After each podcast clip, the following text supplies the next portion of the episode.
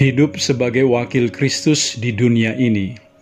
Kisah para Rasul 3 ayat 21 mengatakan, Kristus itu harus tinggal di sorga sampai waktu pemulihan segala sesuatu, seperti yang difirmankan Allah dengan perantaraan nabi-nabinya yang kudus di zaman dahulu.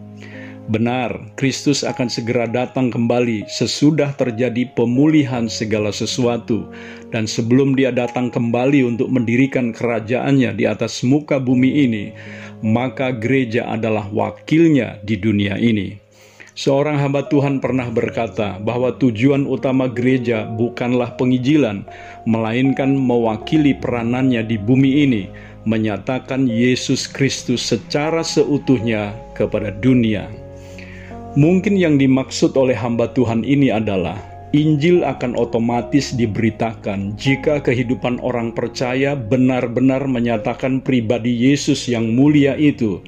Namun, seperti seorang duta besar yang tidak bisa mewakili negaranya dengan baik, kecuali dia sendiri mengenal negaranya dengan baik pula. Begitulah juga dengan keadaan kita, gerejanya. Kalau kita tidak mengenal Kristus dengan baik, maka kita tidak bisa mewakili Dia dengan baik di atas muka bumi ini. Jika demikian, maka yang terpenting adalah bagaimana kita mengenal dan hidup seperti Kristus, supaya dunia mengenal Dia. Jemaat yang mula-mula menyatakan pengenalan mereka akan hidup Kristus melalui gaya hidup mereka yang sedemikian rupa, sehingga tiap-tiap hari Tuhan menambah jumlah mereka dengan bilangan orang yang percaya. Di dalam kisah para rasul 2 ayat 46 dan 47 dikatakan, dengan bertekun dan dengan sehati mereka berkumpul tiap-tiap hari dalam bait Allah. Mereka memecahkan roti di rumah masing-masing secara bergilir dan makan bersama-sama dengan gembira dan dengan tulus hati sambil memuji Allah. Dan mereka disukai semua orang dan tiap-tiap hari Tuhan menambah jumlah mereka dengan orang yang diselamatkan. Mereka disukai semua orang karena cara hidup mereka yang tidak mementingkan diri sendiri, yang membuahkan kegembiraan juga di dalam persekutuan mereka. Tidak mementingkan diri sendiri inilah sebetulnya manifestasi penting dari kehidupan Kristus di dalam kehidupan mereka yang terpancar keluar dan dirasakan oleh orang banyak. Jika dikaitkan dengan masa pandemi ini, di mana hampir dua bulan lebih kita tidak bisa beribadah bersama di gedung seperti biasa, bagaimana caranya orang mengenali kita sebagai wakil dari Tuhan kita Yesus Kristus? Sudah tentu melalui cara hidup kita, melalui cara hidup yang sudah ditebus, penebusan yang menjadikan kita milik Kristus yang konsekuensinya kita harus menjalankan agenda Kristus di atas muka bumi ini dan bukan agenda hidup kita sendiri. Hal inilah yang akan membuat dunia melihat sesuatu yang berbeda pada gereja, seperti yang kita sudah pelajari bersama, bahwa kita ada di dunia ini bukan untuk menjalankan tujuan hidup kita sendiri, melainkan untuk melakukan misinya.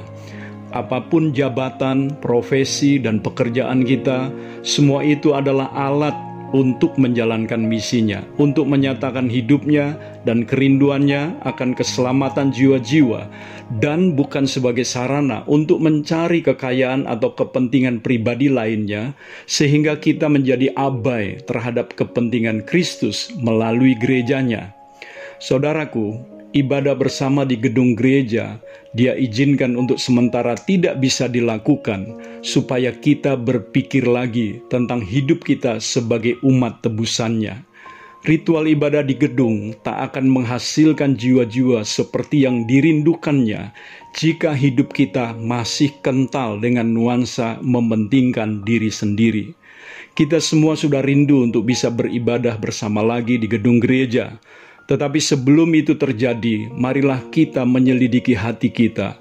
Apakah hidup kita secara pribadi telah menyatakan bahwa kita adalah wakil Kristus di dunia ini?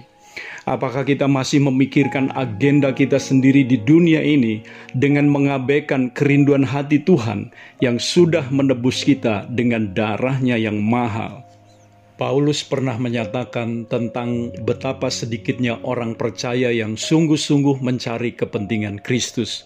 Di dalam Filipi 2 ayat 20 dan 21 dia menulis, Karena tak ada seorang padaku yang sehati dan sepikir dengan aku, dan yang begitu bersungguh-sungguh memperhatikan kepentinganmu, sebab semuanya mencari kepentingannya sendiri, bukan kepentingan Kristus Yesus.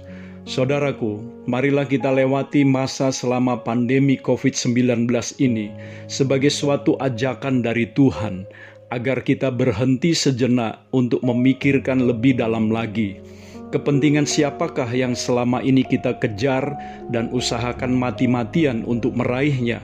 Kepentingan kita atau kepentingan Kristus yang kita wakili di dunia ini. Saudaraku, setelah Kristus naik ke sorga, kita adalah wakilnya di dunia ini.